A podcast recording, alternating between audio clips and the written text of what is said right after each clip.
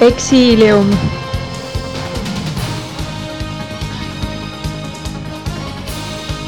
Marsilio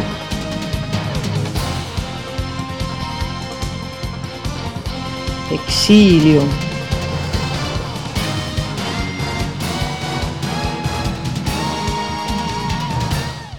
Exilium.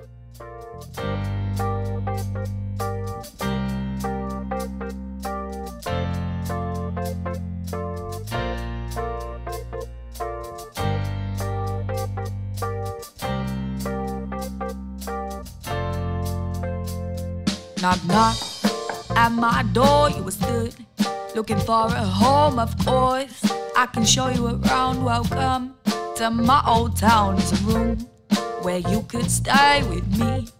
My best mate, you smiled. I loved your grin. That's when I knew we'd be friends. One day, walking through town, two hands full of carrier bags. I saw your face again, that smile. I loved that grin, it seemed. We talked for hours, and now, drinking on your couch, then I knew what was really wrong with you. In this moment of deja vu, you have no clue. But don't you worry, don't you worry, life ain't that blue. I wish can become true. Take my hand and let life show you. There's no need to worry, need to worry, cause life ain't that blue. Life ain't that blue. Life ain't that blue. Life ain't. You another time in your old Fiat 500 ride to some place I'd never been. We ate some food and drank too many drinks. You listened to me talk a lot. Seemed like I didn't really stop. I guess that's me and how I've always been.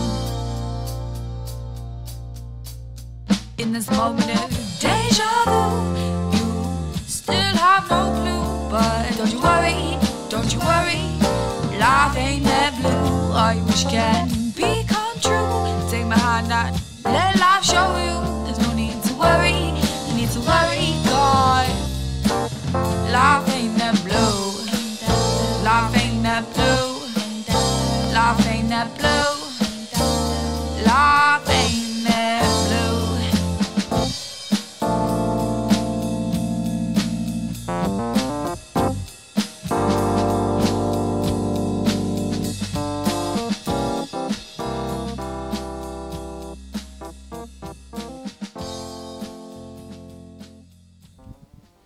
kell on saanud neli läbi ja Ida Raadios, Ida Raadios on esimest korda eetris Eesti pagulasabi saade nimega Exilium. mina olen üks saatejuhtidest Madle Timm, minuga on koos täna saadet juhtimas Eero Janson ja Eesti pagulasabi saade üleüldiselt hakkab rääkima erinevatest kriisidest, pagulastest Eestis, nii, nii Eestis kui mujal välismaal, lõimumisest, kutsume kindlasti saatesse ka erinevatest riikidest Eestisse jõudnud inimesi, et kuulda nende lugusid. aga tänane saate, saade on tegelikult väga eriline ja Eero, äkki sa tahad natukene täpsemalt tutvustada, mis saama hakkab? jaa, tere ka minu poolt. Kuigi tegemist on meie esimese saatega Ida raadios, on pagulasabi ise kohe-kohe saamas kahekümne, kakskümmend aastat vanaks. nimelt kuuendal detsembril on meil siis kahekümnes sünnipäev ja sellega seoses ongi meil täna külas Lehte Roots, kes on Tallinna Ülikooli rahvusvahelise õiguse külalisprofessor ja ühtlasi ka kakskümmend aastat tagasi üks siis pagulasabi asutajaliikmetest. ja saate esimeses osas me räägimegi Lehtega pagu-, pagulasabi asutamisest ja algusaastatest, kõigest, mis toimus kakskümmend aastat tagasi, miks ja kellega selline organisatsioon üldse käima lükati. ja, ja siis edasi saate teises osas teeme esimese saate puhul siis sellise linnu, linnulennu vaate kogu põgenikega seotud temaatikale nii maailmas kui ka Eestis ehk siis miks ja, ja kust ja kuhu inimesed liiguvad eh, ja, ja kui palju selliseid inimesi eh, parasjagu liikvel on? kõigepealt aga kohe tulistan ühe fakti ka, et nagu teada, siis maailmas üks suurimaid pagulaskriisi hetkel on seotud Süüria kodusõjaga ja ka Eestis kõige enam rahvusvahelise kaitse saajaid viimase kahekümne aasta jooksul on tulnud Süüriast. täpsemalt siis sada üheksakümmend viis inimest ja sellega seoses saate esimeseks looks on lugu nimega Anna ehk, ehk Tert äh, bändilt Refugees of Rap ja sellega seotult on tegelikult üks väga põnev taustalugu ka. sest äh, see bänd asutati äh, Damaskuses Süüria pealinnas ühes pagulaste laagris ja nelja liikme poolt Süüriast, Alžeeriast ja Palestiinast Nende esimene album loodi aastal kaks tuhat seitse ja rääkis poliitilistest ja sotsiaalsetest probleemidest äh, inimeste elus Süürias, kus hakkama saamine pole kindlasti mitte kerge. ja kuna aastal kaks tuhat üksteist hakkas bänd tegema lugusid äh, Süüria revolutsiooni teemadel, äh, siis loomulikult see tekitas väga palju furoori. Nende stuudio pagulaslaagris hävitati ja kogu bänd pidi põgenema Euroopasse, kus nad siis hetkel teevad lugusid edasi ja tuuritavad ringi. ja kuulame lugu, see on Refugees of Rap Anna Ehtert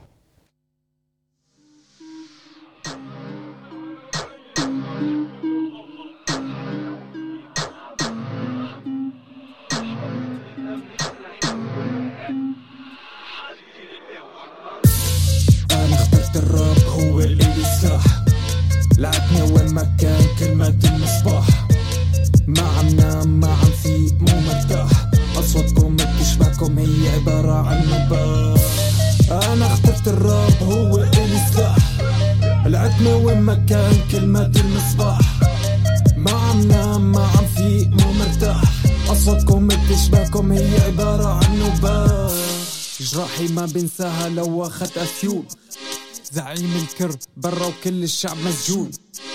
مالي سائل سلاحي كلامي الموزون. مالي ساكت كلامي ما بيعرف قانون. حياتي تاريخي ماضي جنون اسلوبي كلامي قرين الملعون. قبلين بالظلم انتو أكبر طاعون. ملتزمين على أساس ضميركم مدفون. حياة الحرب عشتها وانت شايف. وانت شايف. بلشت من الصفر ما عندي معارف ما كنت خايف. خايف. قول اللي بحسه اللي بحسه. بس حكينا انت الخوف البسته البسته ما عندي وقت انه احكي عليك اترك الرب ناس ضحكوا عليك. الجلس بالساحة ارفع رجلك لاجئي الرب دعسين عليك. أنا اخترت الراب هو إلي سلاح. لعتني وين ما كان كلمة المصباح. ما عم نام ما عم فيك مو مرتاح. أصواتكم بتشبهكم هي عبارة عن نباح. أنا اخترت الراب هو إلي سلاح العتمة وين ما كان كلمة المصباح. ما عم نام ما عم فيك مو مرتاح. أصواتكم بتشبهكم هي عبارة عن نباح هذا النمط ارتبط بحياتي وصار جزء مني. رأس حربك لضربة بنش لأن كجزاء عندي. حان الوقت لسكت كل جاهل إجلاء كلي. لكل حاقد حاول يكون حاجز قدام حلمي. شوف شوف. شوف كيف كلامي مصفوف. حروف تقطع الظلم كل السيوف ظروف عشناها والشمس مكسوف خوف من قاموس محذوف. كمل طريقي رغم كل الأنوف ابن المخيم نازل فيكم كفوف. كمل طريقي لآخر نفس؟ حاول اليأس وقفني بس عبس. فاني هويتي مو محتاج جواز. اخترقت العالم كني هكرز أنا اخترت الراب هو اللي سلاح لعبني وين ما كان كلمة المصباح ما عم نام ما عم فيق مو مرتاح. اصواتكم بتشبهكم هي عبارة عن نباح أنا اخترت الراب هو اللي سلاح العتمة وين ما كان كلمة المصباح ما عم نام ما عم فيق مو مرتاح. أصواتكم بتشبهكم هي عبارة عن نباح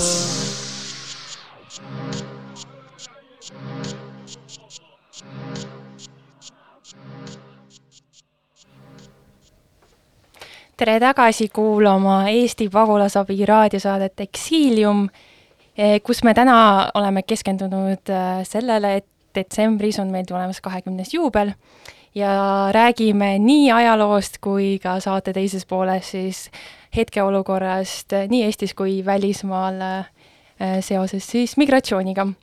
ja enne, kui me pöördume tegelikult päris täitsa sügavale ajalukku, siis Eero järsku sa valgustaksid natukene, millega Eesti Pagulasabi hetkel üldse tegeleb?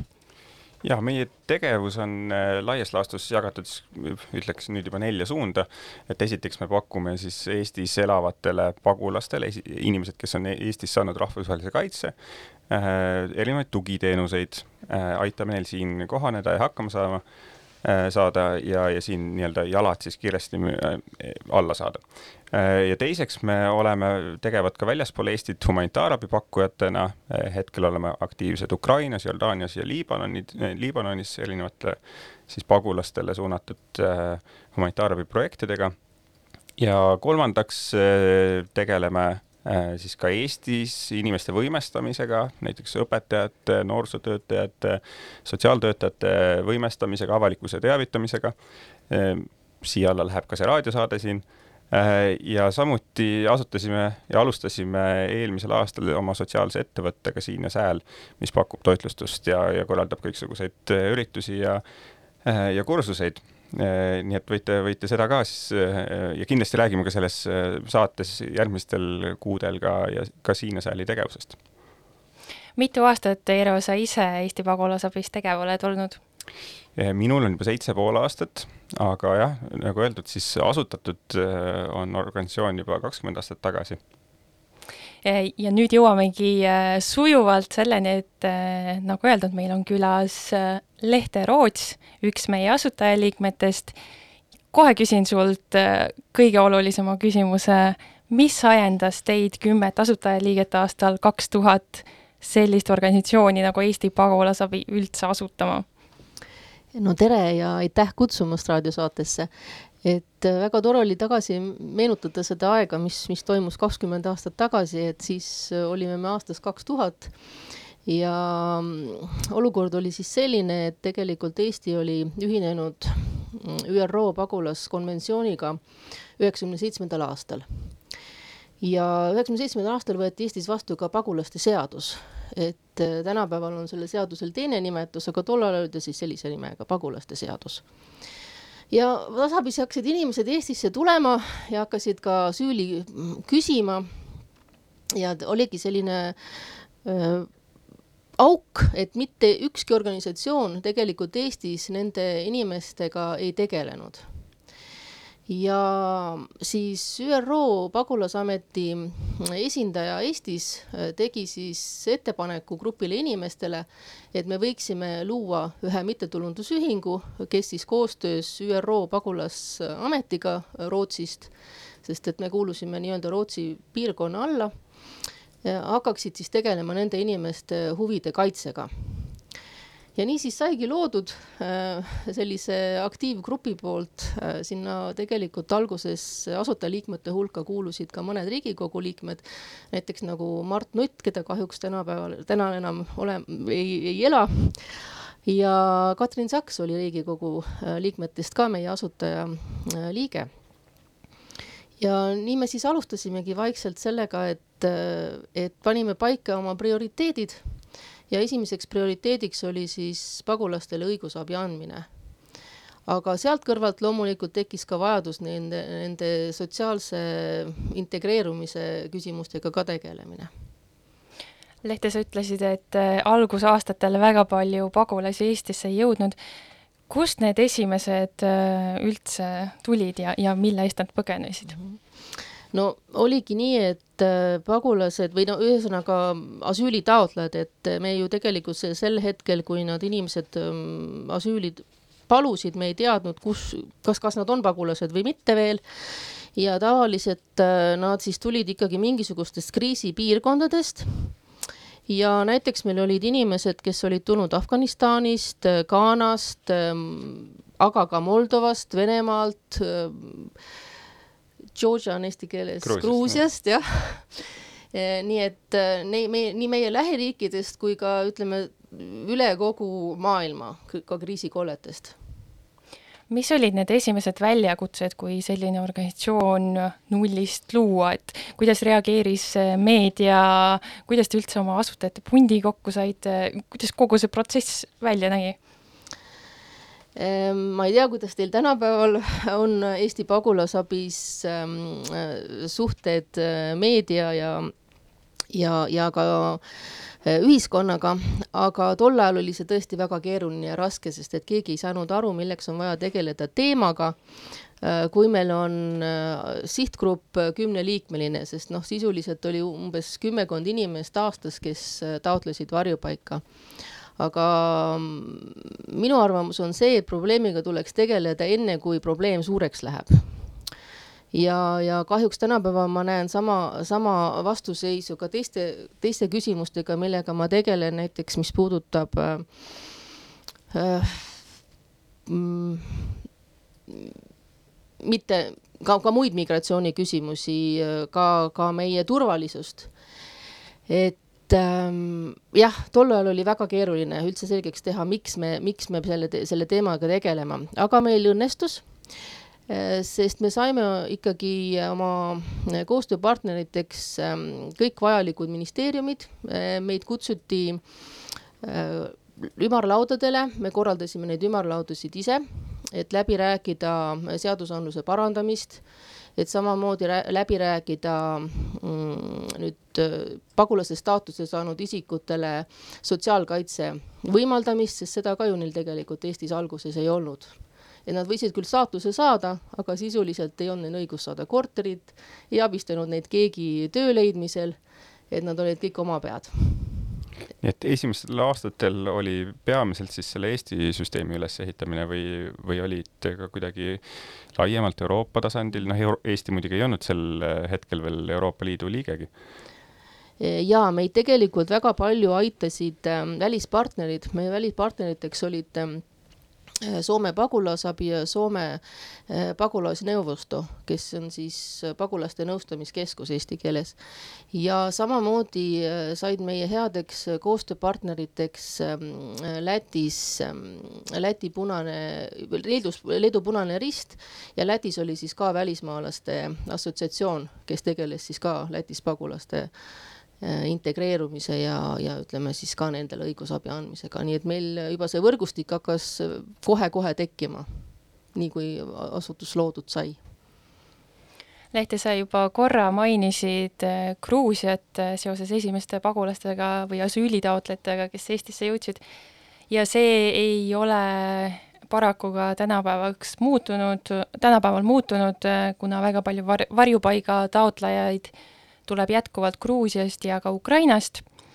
seoses sellega ka järgmine lugu ja laul, mis, mis siin esitamisele tuleb, see on Gruusia bänd, kes ise ütleb enda kohta tegelikult väga irooniliselt, et we are nothing special, aga nad on kirjutanud ühe väga huvitava loo, mille pealkiri on Donetsk.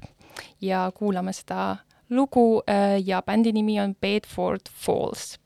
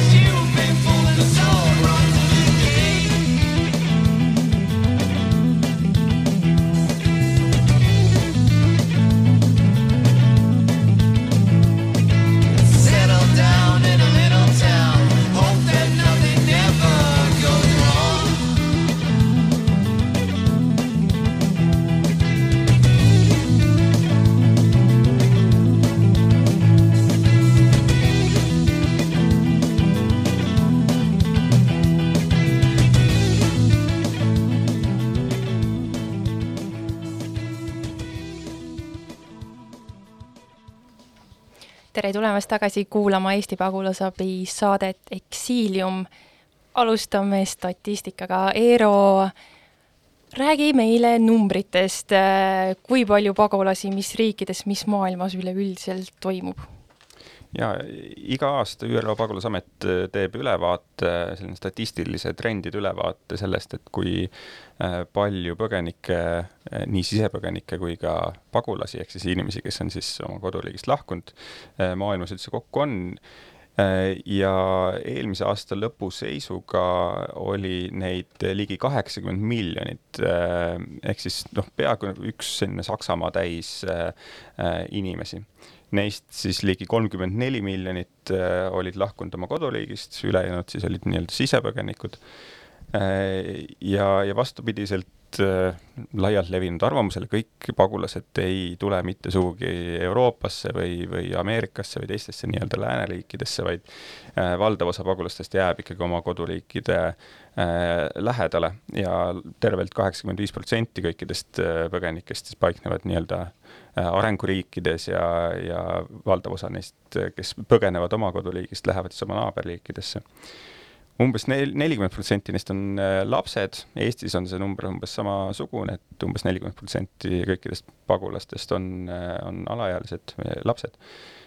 ja kust inimesed tulevad, ja peamised tõukajad, miks inimesed lahkuvad, on, on just nimelt sellised suuremad äh, sõjad ja relvakonfliktid äh, näiteks Süürias ja Lõuna-Sudaanis, Kesk-Aafrika Vabariigis, äh, meile kodule lähemalt siis Ukrainas Jeemenis juba mitmeid aastaid kestnud kodusõda, Myanmari, Bangladeshi piiriülene siis Rohingja kriisiga seotud põgenemine, Ladina-Ameerikast Venezuela, varasemalt Kolumbia näiteks, Aafrikas Saheli piirkonna riigid, kus paljuski on ränne seotud kliimamuutustega, uued probleemid on esile kerkinud Afganistanis, Iraagis, Liibüas, Somaalias, Etioopias, Kongo Demokraatlikus Vabariigis, ehk siis see, seda, seda nimekirja eh, piirkondadest, kus, ehm, kust inimesed põgenevad eh, suuremal või vähemal määral,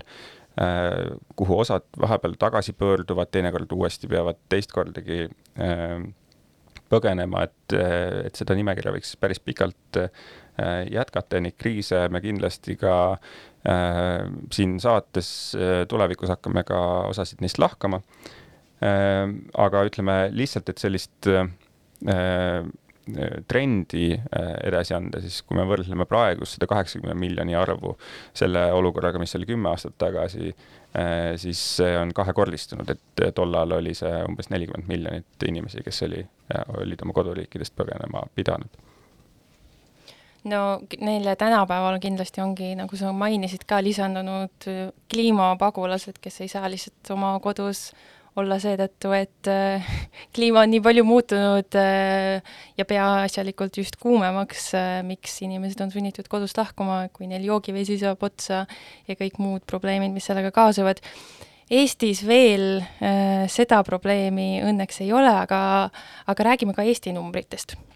Jaa, et eh, kogu selle kahekümne aastaga, mis eh, Eesti pagulasabi on eksisteerinud eh, ja toimetanud, on Eestis varjupaika taodelnud tuhat kolmsada inimest. see on märkimisväärselt väike arv kogu selle kaheksakümne miljoni taustal ja Eesti on siis tunnustanud pagulasena viitesadat neljakümmet nelja inimest siis augustikuu seisuga ma ei tea, et kui seda nüüd hakata arvutama, et kui, kui palju äh, kõikidest maailma pagulastest Eesti vastu võtab, siis see on ikkagi, neid nulle on seal pärast koma kohta ikkagi üks, üksjagu palju. ja ma arvan, et, et seda, selle teema ümber seda kära äh, Eestis, kui nüüd mõelda aastaid tagasi, on olnud rohkem kui äh,, kui on äh, võib-olla asi äh, selles mõttes Eesti kontekstis väärt olnud, aga, aga maailmakriise vaadates muidugi see on väga-väga oluline teema no kui sa neid numbreid nüüd välja to-, tood, siis äh, taotlejaid on väga palju rohkem kui neid, kes päriselt siia jääda saavad, et mille alusel äh,, mille alusel neid pagulasi üldse riik vastu võtab ja elamislubasid välja annab? Jah, ma võtaks nüüd siis võib-olla sõna selles osas, et kes siis üldse on pagulane, et sisuline pagu-, sisuliselt äh, inimene, kes taotleb asüüli, võib vastata erinevatele kriteeriumitele.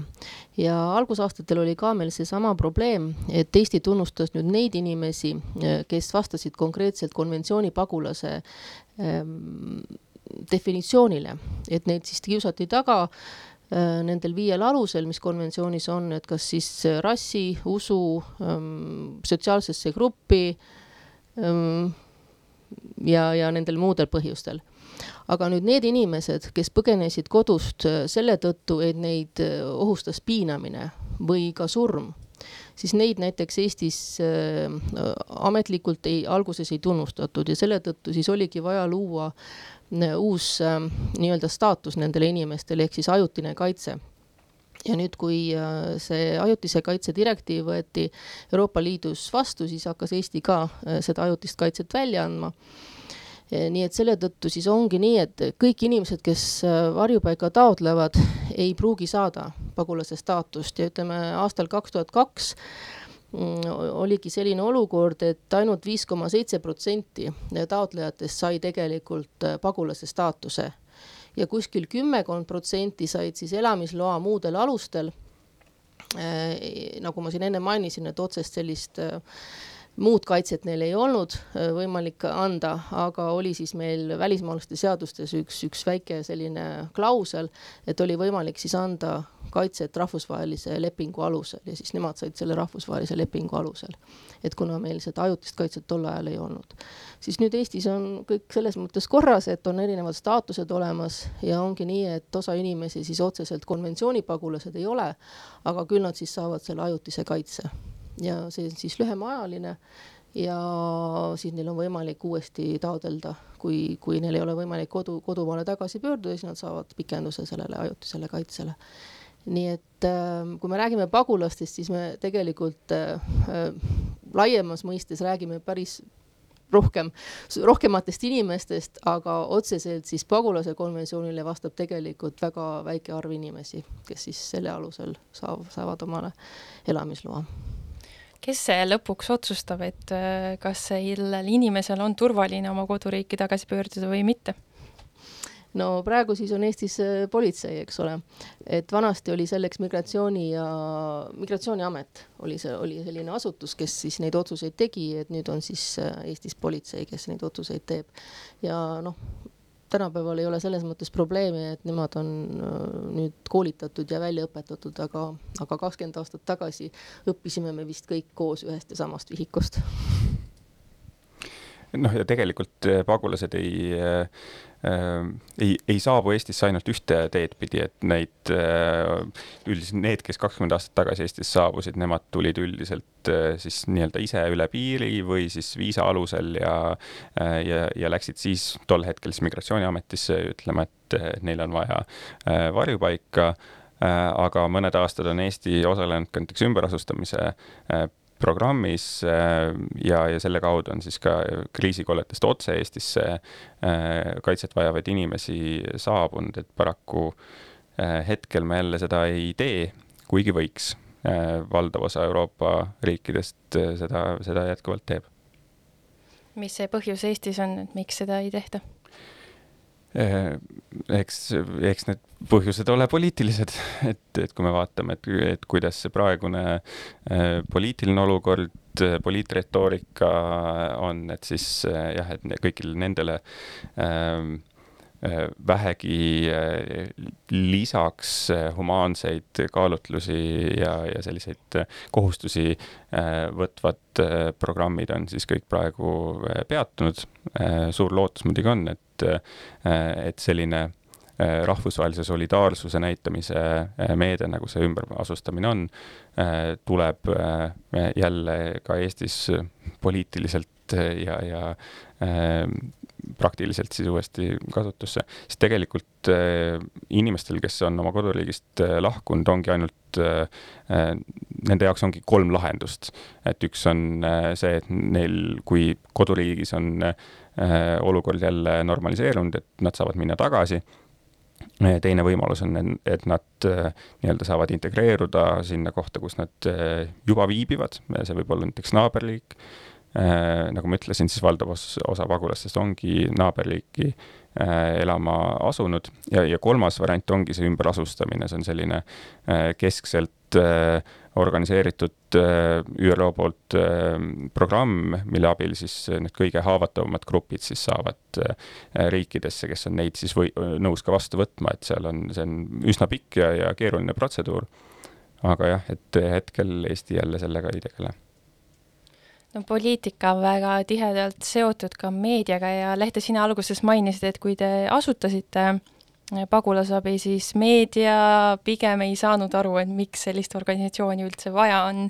ja kui vaadata praegusi suundumisi meedias, siis pigem külvatakse hirmu ja räägitakse sellest, et et miks me neid üldse peame vastu võtma, kuigi nagu öeldud, siis see arv ei ole tegelikult üldse nii suur. Mida öelda ühele tavalisele Eesti inimesele, kes pagulast kardab? eks äh, hirmul on alati ikka suured silmad ja asja, mida me ei tunne ja ei tea, siis me ikka kipume kartma.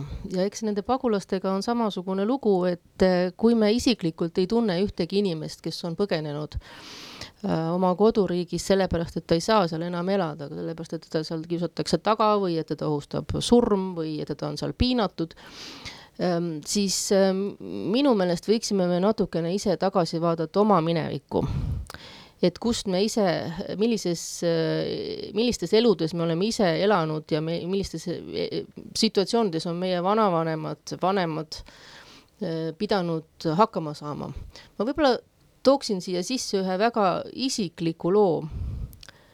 ja võib-olla see on ka üks põhjuseid, miks ma selle teemaga kunagi nagu äh, tegelema hakkasin. Äh, me kõik ju mäletame, mis toimus siis, kui Stalin tuli võimule ja kui paljud eestlased olid sunnitud äh, Eestist põgenema selleks, et ellu jääda. ja minu vanaema ja vanaisa sattusid kahjuks ka sellesse keerisesse, nendest küll põgenikke ei saanud, sest minu vanaisa, olles konstaabel, ütles, et tema ei ole kunagi oma elus ühtegi halba asja teinud ja ta ei leia seda põhjust, miks peaks ähm, uus Vene valitsus teda Siberisse saatma või tema perekonda küüditama. ja päev enne küüditamist äh, sai ka ta selle teate äh, oma tuttavate käest, et teie perekond on selles küüditavate nimekirjas, et pakkige oma asjad ja minge ära. ja vanaema tegi talle ettepaneku, et äkki me peaksime mõtlema kuskile mm, peitu minemise peale ja vanaisa teist korda ütles, mina ei ole midagi siin elus valesti ja halvasti teinud, et ma peaksin oma koduriigist põgenema. ja nii see jäi. ja samal ööl tuldi, vahistati kogu perekond. Äh, vanaisa saadeti äh, kullakaevandusse ja vanaema koos kolme väikese lapsega loomavagunis Siberisse, külmale maale et ma arvan, et minu lugu ei ole, ei ole ainukene lugu, et on Eestis väga palju perekondi, kes on selle läbi elanud ja kahjuks võib-olla meie mm, mälu on selle tahtnud kuidagi ära kustutada. aga mõeldes natukene selle peale tagasi, et kuidas vajasime meie omal korral, omal ajal abi ja kui palju tegelikult teised riigid tulid meie inimestele appi, kes läksid Rootsi, kes läksid Saksamaale, kes läksid, kes suutsid jõuda välja Austraaliasse, Kanadasse, Ameerikasse. Nad said seal edasi elada, neid abistati, nendest said edukad inimesed, nendest said õppejõud, nendest said insenerid. Neile anti see võimalus. nüüd ongi minu küsimus, aga miks meie ei, ei peaks andma teistele inimestele seda võimalust, kui meil tegelikult on see võimalus neile seda anda. mida vastata neile inimestele, kes ütlevad, aga pagulased tulevad Eestisse meie töökohti ära võtma, meie raha ja süsteemi kulutama, kuidas nendele hirmudele vastata ehm,?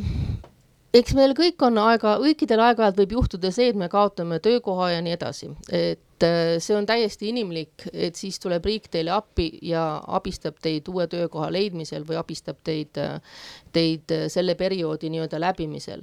ja pagulased, kes on saanud ikkagi pagulase kaitse, ei, ei tule siia sisuliselt tööd otsima, sest et need, kes tulevad siia lihtsalt tööd otsima esitavad varjupaigataotluse, siis nendele pagulase staatust ei anta. Nemad peaksid ikkagi taotlema e-, kas töö, tööluba elamiseks või siis äh, leidma mingisuguse muu viisi, kui nad tahavad siin Eestis elada, mingi muu legaalse aluse Eestis elamiseks. et äh, selles mõttes, et pagulased võtavad ära meie töökoha või, või võtavad ära meie, meie muu rahastuse, on, on, on hirmu külvamine pagulased samamoodi loovad töökohti, nad on samasugused inimesed nagu meie Nad on erineva haridustasemega, on arste, on insenere, on äh, infotehnoloogia töötajaid. loomulikult on ka madala haridustasemega inimesi äh, pagulaste hulgas, aga see ei äh,, ei anna meile õigust öelda seda, et me ei peaks neid võrdselt kohtlema Eesti inimestega jah, ja lõppkokkuvõttes äh, jah, pagulased ongi äh, nii-öelda läbilõige ühiskonnast, sellest ühiskonnast, kust nemad äh, põgenevad ja, ja nagu Lehte just ütlesid, siis ka, ka Eestisse tegelikult on need inimesed, kes on Eestis kaitse saanud, need, nende seas on nii arste, kes praegu töötavad näiteks Eesti haiglates on edukaid näiteks toitlustusettevõtjaid ja muidugi on ka samuti lihttöölisi või, või inimesi, kes, kes ei ole ole siin äh, lõpuks ka tööd äh, leidnud, aga, aga seda siiski aktiivselt otsivad. Ja, ja muidugi äh, ei maksa unustada ka lapsi, kes siin lähevad eestikeelsetesse koolidesse ja kes üldiselt ka selle selle keele ja, ja, ja kõik selle, kuidas selle elukorralduse võib-olla kõige kiiremini üle võtavad ja endasse imevad tõesti nagu käsnad teinekord, mida, mida, mida väiksem laps, seda, seda kiiremini üldiselt see keel tuleb Eero, oskad sa joonistada välja selle ühe pagulase või pagulaspere teekonna, et kuidas, ütleme, ühe perekonna näitel, kuidas nad on Eestisse jõudnud ja mida nad siin teinud on? jah, see teekond võib olla äh, väga pikk ja vaevaline, et äh, ütleme, et kui me mõtleme, et kes on äh, Eestis kõige rohkem siis kaitset saanud, siis need on Süüriast pärit inimesed ja see teekond läbi joonistada, siis ütleme, perekond, kes elab Aleppos selle piiramise ajal, kellel õnnestub siis selles kõige keerulisemates oludes kuidagi jõuda näiteks Türgisse jättes maha siis oma, oma kodu ja, ja, ja sõbrad-tuttavad, võib-olla ka mõne pereliikme, kes äh, on mõnes teises linnas ja ei saanud ära tulla, äh, liikunud näiteks läbi äh, Türgi mõne paadiga, smugeldajate paadiga siis äh, üle vee ohtliku teekonna siis äh, Kreeka saartele ja äh, ja noh, veel kolm aastat tagasi oli veel ümberpaigutamise programm, et siis istunud kuid ja, ja teinekord isegi aastaid mõnes pagulaslaagris mitte töötades, sest neil ei ole seda õigust ja võimalust, kuni siis lõpuks näiteks on Eesti nad vastu võtnud ja, eh, ja kui, kui Eesti seda on juba teinud, on neile pagulastaatuse andnud, siis, eh, siis neil on, tekib ka koheselt õigus siis siin tööle minna ja lastel kooli minna ja nii edasi. aga kogu see, see teekond sellest algusest, sealt Aleppost kuni siis Eesti mõnda linna, kus siis need lapsed saavad lõpuks näiteks kooli minna ja inimesed tööle, see võib võtta aega aastaid täiesti meil enda äh, pagulaste seas neid näiteid, kes on kaks aastat äh, teel olnud, kuni siis siia kohale jõuavad. ja see on vaimselt väga väsitav, see on kehaliselt kurnav, kui mõelda kõik need Äh, kooliaastad, mis lastel äh, vahele jäävad, et, et seda tasa teha, et ma arvan, et noh, mina ei sooviks sellist saatust mitte kellelegi, noh, see, see on väga, väga ränk teekond, mida, mida läbi teha ja mida läbi elada. No see on kindlasti väga indiv-, individuaalne, kuidas need äh, inimesed Eestis kohanevad, aga aga too üks näide, ütleme, positiivsest äh, juhtumist, kuidas äh, lapsed või vanemad on keele ära õppinud, töö leidnud ja ütleme need mõned näited, mis ma tõin, et, et kes on arstina näiteks töötamas või loonud siin ka oma ettevõtted, meil on tegelikult päris mitu toitlustusettevõtet Eestis, mis on pagulaste poolt asutatud ja, ja juhitud. kuigi ütleme, kui, kui, kui rääkida Eestis elavate pagulastega, siis noh, kes on nii-öelda saanud kaitse Eestilt, eh, siis ega eh, nad sageli ei taha ennast üldse identifitseerida selle nimetusega pagulane, sest noh, tegelikult eh, noh, kes tahaks olla igavesti see, see, keda nimetatakse pagulaseks, sest noh, ütleme puht juriidiliselt võib see olla su elamisloa alus, aga sa ikkagi tahad, et sind nähtakse sellena, kes sa oled, sa oled inimene oma teadmiste, oskuste, võlude ja valudega ja kõik tahaksid ennast äh, näha ja teised näeksid neid äh, mitte pagulasena, mitte selle sildina, vaid ikkagi inimesena, kes tema on. Põikame korraks veel tulevikku, nagu numbritest välja tuli, siis võrreldes näiteks kümne aasta taguse ajaga, siis tänapäeva maailmas on pagulasi ja põgenikke kordades rohkem mis te arvate, milline võiks olla tuleviku suundumus äh, ja ka seda ka Eesti jaoks, et äh, kui see arv ikkagi äh, jätkuvalt suureneb, siis, siis milline see olukord võiks Eestis näiteks kümne aasta pärast välja näha?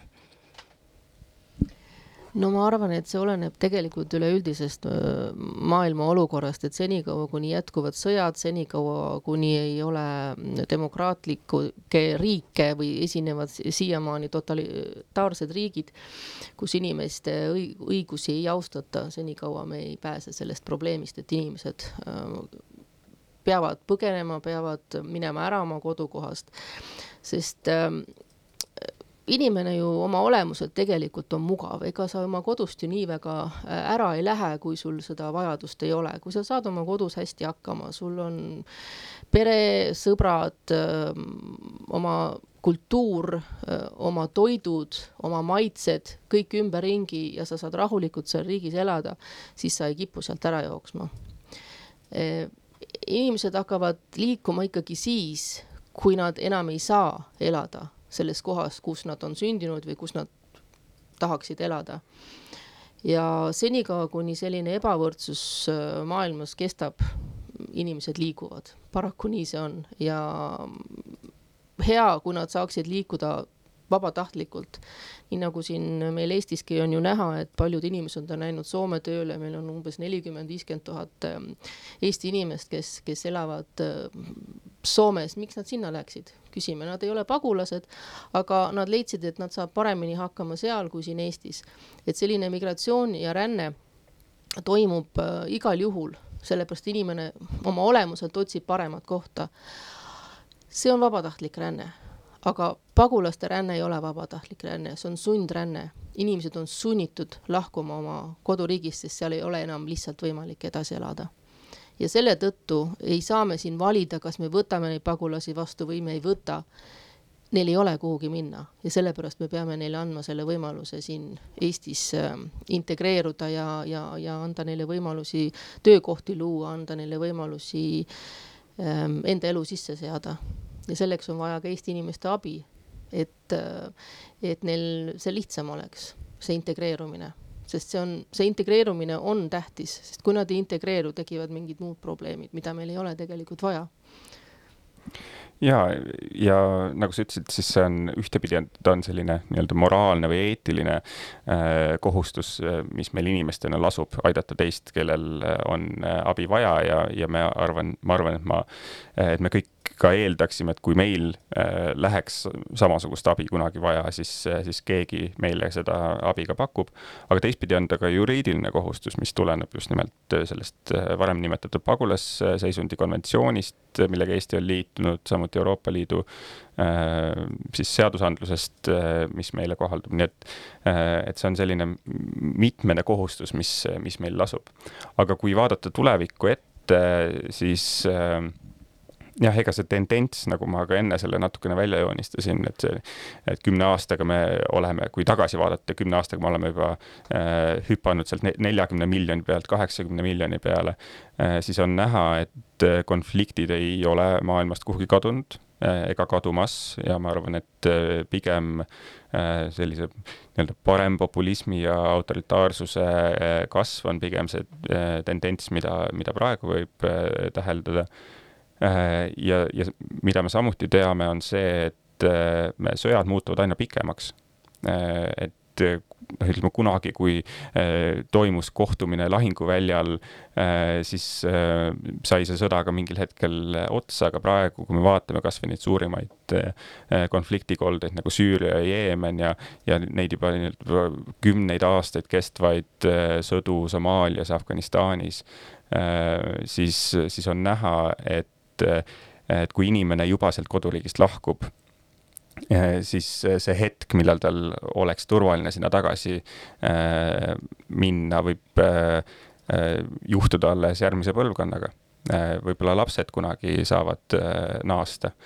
ja, ja kui me vaatame, et et need inimesed, kes on Eestisse saabunud, siis noh, tegelikult äh, viie aasta pärast on neil juba võimalik siin äh, saada alaline elamisluba, kaheksa aasta pärast ka kodakondsus ja noh, neid pagulasi, kes lehteaegadel Eestisse tulid ja, ja siin on kodanikuks saanud, on meil juba kahe käe sõrmedel kokku lugeda.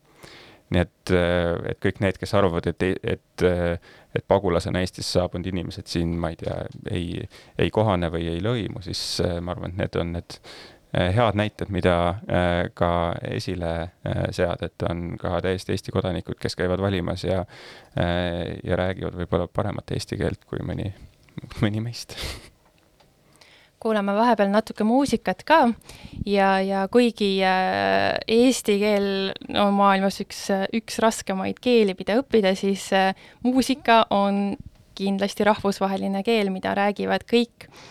ja seetõttu mängime teile Kanada päritolu muusiku Alan Raymondi lugu kolmteist ja valitud on see just seetõttu, et äh, see muusik ei ole andnud mitte ühtegi intervjuud, sest tema nägemus muusikast on selline, et igaüks peaks otsustama selle järgi, kuidas ta laulab ja mis sõnumit ta edasi kannab, mitte selle järgi, milline ta välja näeb, kust ta pärit on või milline on tema religioosne vaade.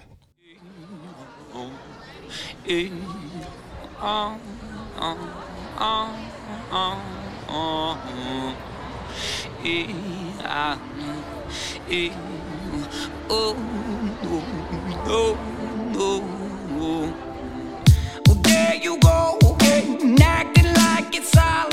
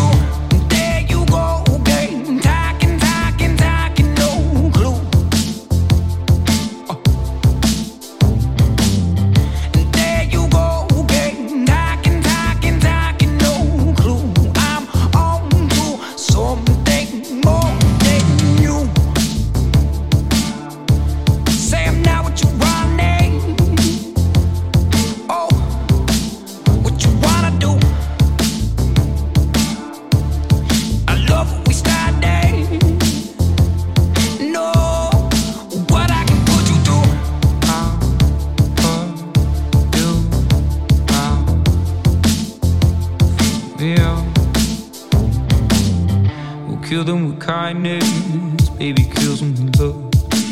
If I said that I want eight babies out in the woods, if I told her to read it, my babies and books, uh, my babies and songs now, my baby is shook.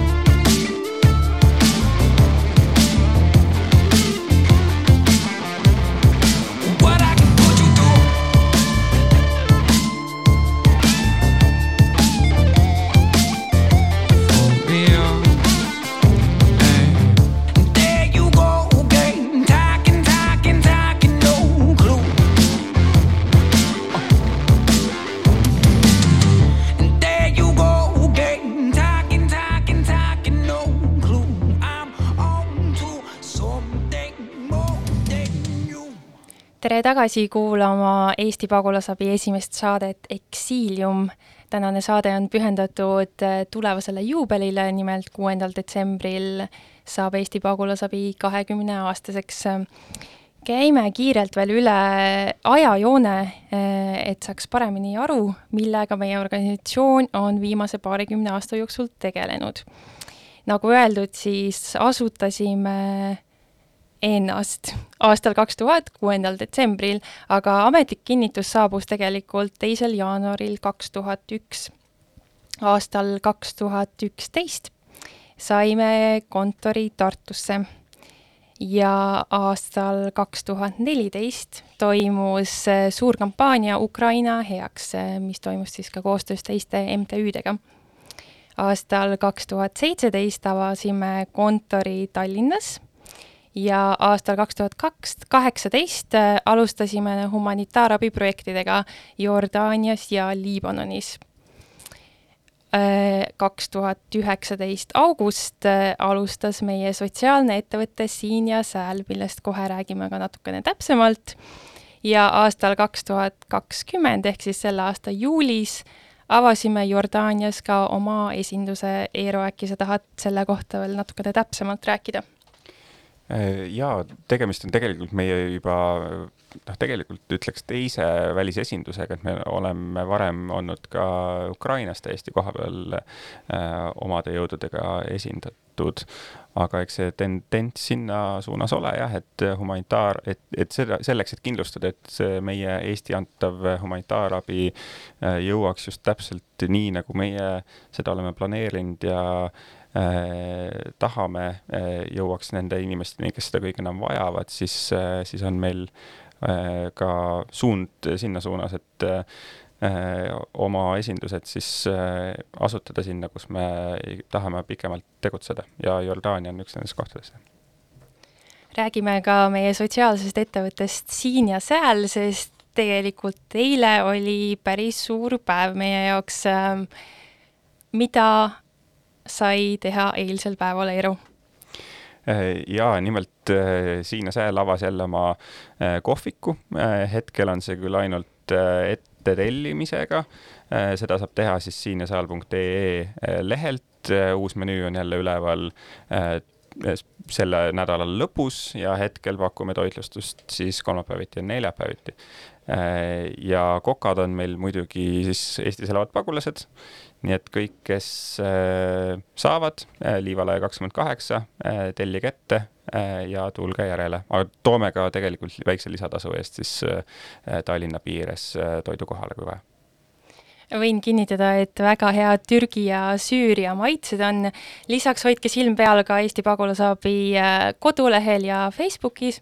Ja saate lõpuks kuulama veel ka AQ Supplication'id, mis on Afganistani muusika